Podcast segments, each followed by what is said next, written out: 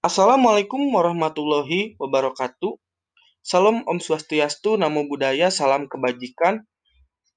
Semoga di tengah situasi dan kondisi saat ini, kita senantiasa diberi kesehatan serta perlindungan oleh Tuhan Yang Maha Esa, Allah Subhanahu wa Ta'ala. Amin ya Allah ya Rabbal Alamin. Perkenalkan nama saya Dimas Sahrul Hakim dengan NIM 1900672, mahasiswa Pendidikan Kewarganegaraan FPIPS Universitas Pendidikan Indonesia. Nah, teman-teman, mungkin dari teman-teman sudah banyak yang tahu mengenai analogi. Nah, di sini di podcast kali ini, izinkan saya sedikit menjelaskan mengenai analogi dan juga hubungan kausal. Nah, pertama-tama kita bahas dulu nih, apa sih analogi? Mungkin teman-teman ada yang tahu mengenai apa sih analogi. Nah, di sini saya akan menjelaskan bahwa analogi adalah penalaran dengan cara membandingkan dua hal yang banyak mengandung persamaan. Dengan kesamaan tersebut dapatlah ditarik kesimpulannya nih, teman-teman. Nah, mungkin sebagai salah satu contohnya dari teman-teman mungkin punya apa ya, hal atau barang kesayangannya. Nah, bagi saya eh, saya beri contoh hmm, apa ya? Mungkin sepeda motor ya. Sepeda motor perlu yang namanya perawatan teman-teman tentunya selain selalu digunakan dalam kegiatan sehari-hari tentunya diperlukan perawatan baik itu mesin maupun bodi. Biar apa? Biar si motor itu tetap awet dan nyaman ketika kita kendarai. Nah, begitu juga dengan tubuh kita, teman-teman ketika kita terlalu memforsir tubuh kita, otomatis akan timbul apa ya? Kurang enak gitu kalau dalam bahasa sehari-harinya kurang enak badan. Nah, makanya tubuh kita juga perlu diperhatikan baik itu secara uh, asupan nutrisi maupun ya piknik lah mungkin di masa pandemi kali ini. Nah, itu salah satu contoh analogi teman-teman. Nah, di analogi ini terdapat jenis-jenis yaitu ada analogi induktif dan juga analogi deklaratif teman-teman. Nah, analogi induktif adalah analogi yang disusun berdasarkan persamaan yang ada pada dua fenomena. Kemudian ditarik kesimpulan bahwa apa yang ada pada fenomena tersebut terjadi juga pada fenomena yang lainnya. Nah, contohnya eh, ketika apa ya kita memasuki jenjang perkuliahan ada yang namanya seperti kontrak kuliah teman-teman. Nah, ketika kita telat mengontrak kuliah tersebut otomatis mau tidak mau kita harus apa ya? Eh apa ya? Di dalam bahasa sehari-hari itu dicutikan mungkin ya teman-teman karena eh, kita terlambat mengisi kontrak kuliah tersebut teman-teman. Nah, jadi ketika ada eh,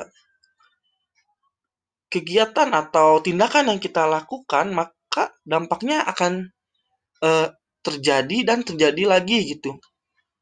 Nah, ketika di sini, ketika kita terlambat mengontrak kuliah, maka dampaknya juga eh, kita akan secara tidak langsung cuti karena tidak bisa mengikuti perkuliahan teman-teman. Nah, selanjutnya ada analogi deklaratif. Analogi deklaratif merupakan metode untuk menjelaskan atau menegaskan sesuatu yang belum dikenal atau masih samar dengan sesuatu yang mudah dikenal, yang sudah dikenal teman-teman.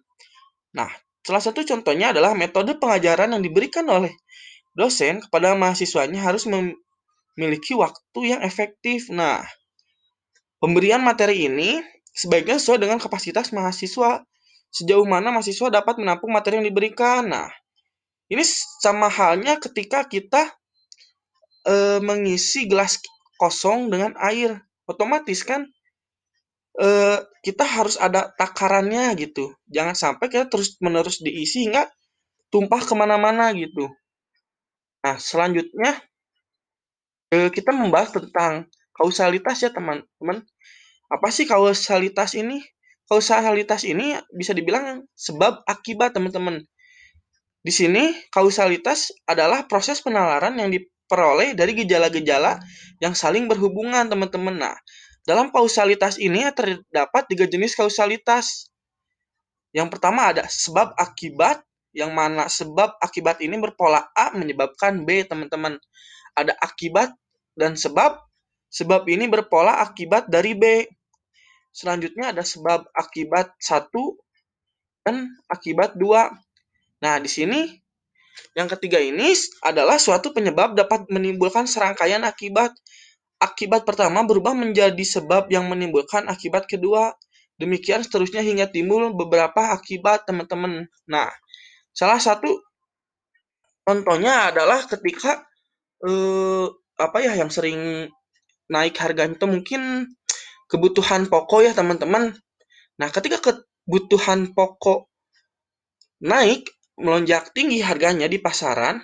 Nah, kenaikan-kenaikan harga-harga tersebut bisa mencapai dua kali lipatnya dari harga semua teman-teman. Nah, beberapa warung mungkin terkena dampaknya hingga bangkrut atau gulung tikar. Nah, dan sebagian yang lain menaikkan harga dagangannya. Nah, oleh karena itu, biaya hidup e, masyarakat, terutama bagi masyarakat menengah ke bawah itu baik sebagai mahasiswa saya sebagai anak kos ataupun mau seorang yang sedang merantau mungkin akan hmm, meningkatkan meningkat ya biaya hidupnya teman-teman. Jadi akan terbawa gitu dampaknya.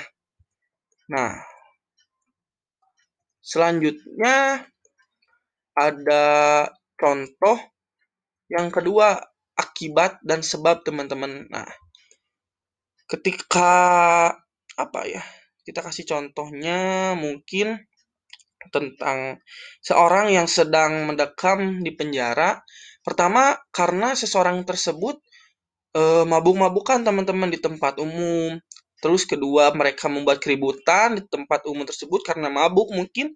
Dan selanjutnya, mereka secara tidak sadar membunuh seorang uh, yang tidak dikenal gitu. Jadi kemud kemudian ya otomatis gitu uh, dia di penjara karena melakukan sebuah tindak pidana, teman-teman.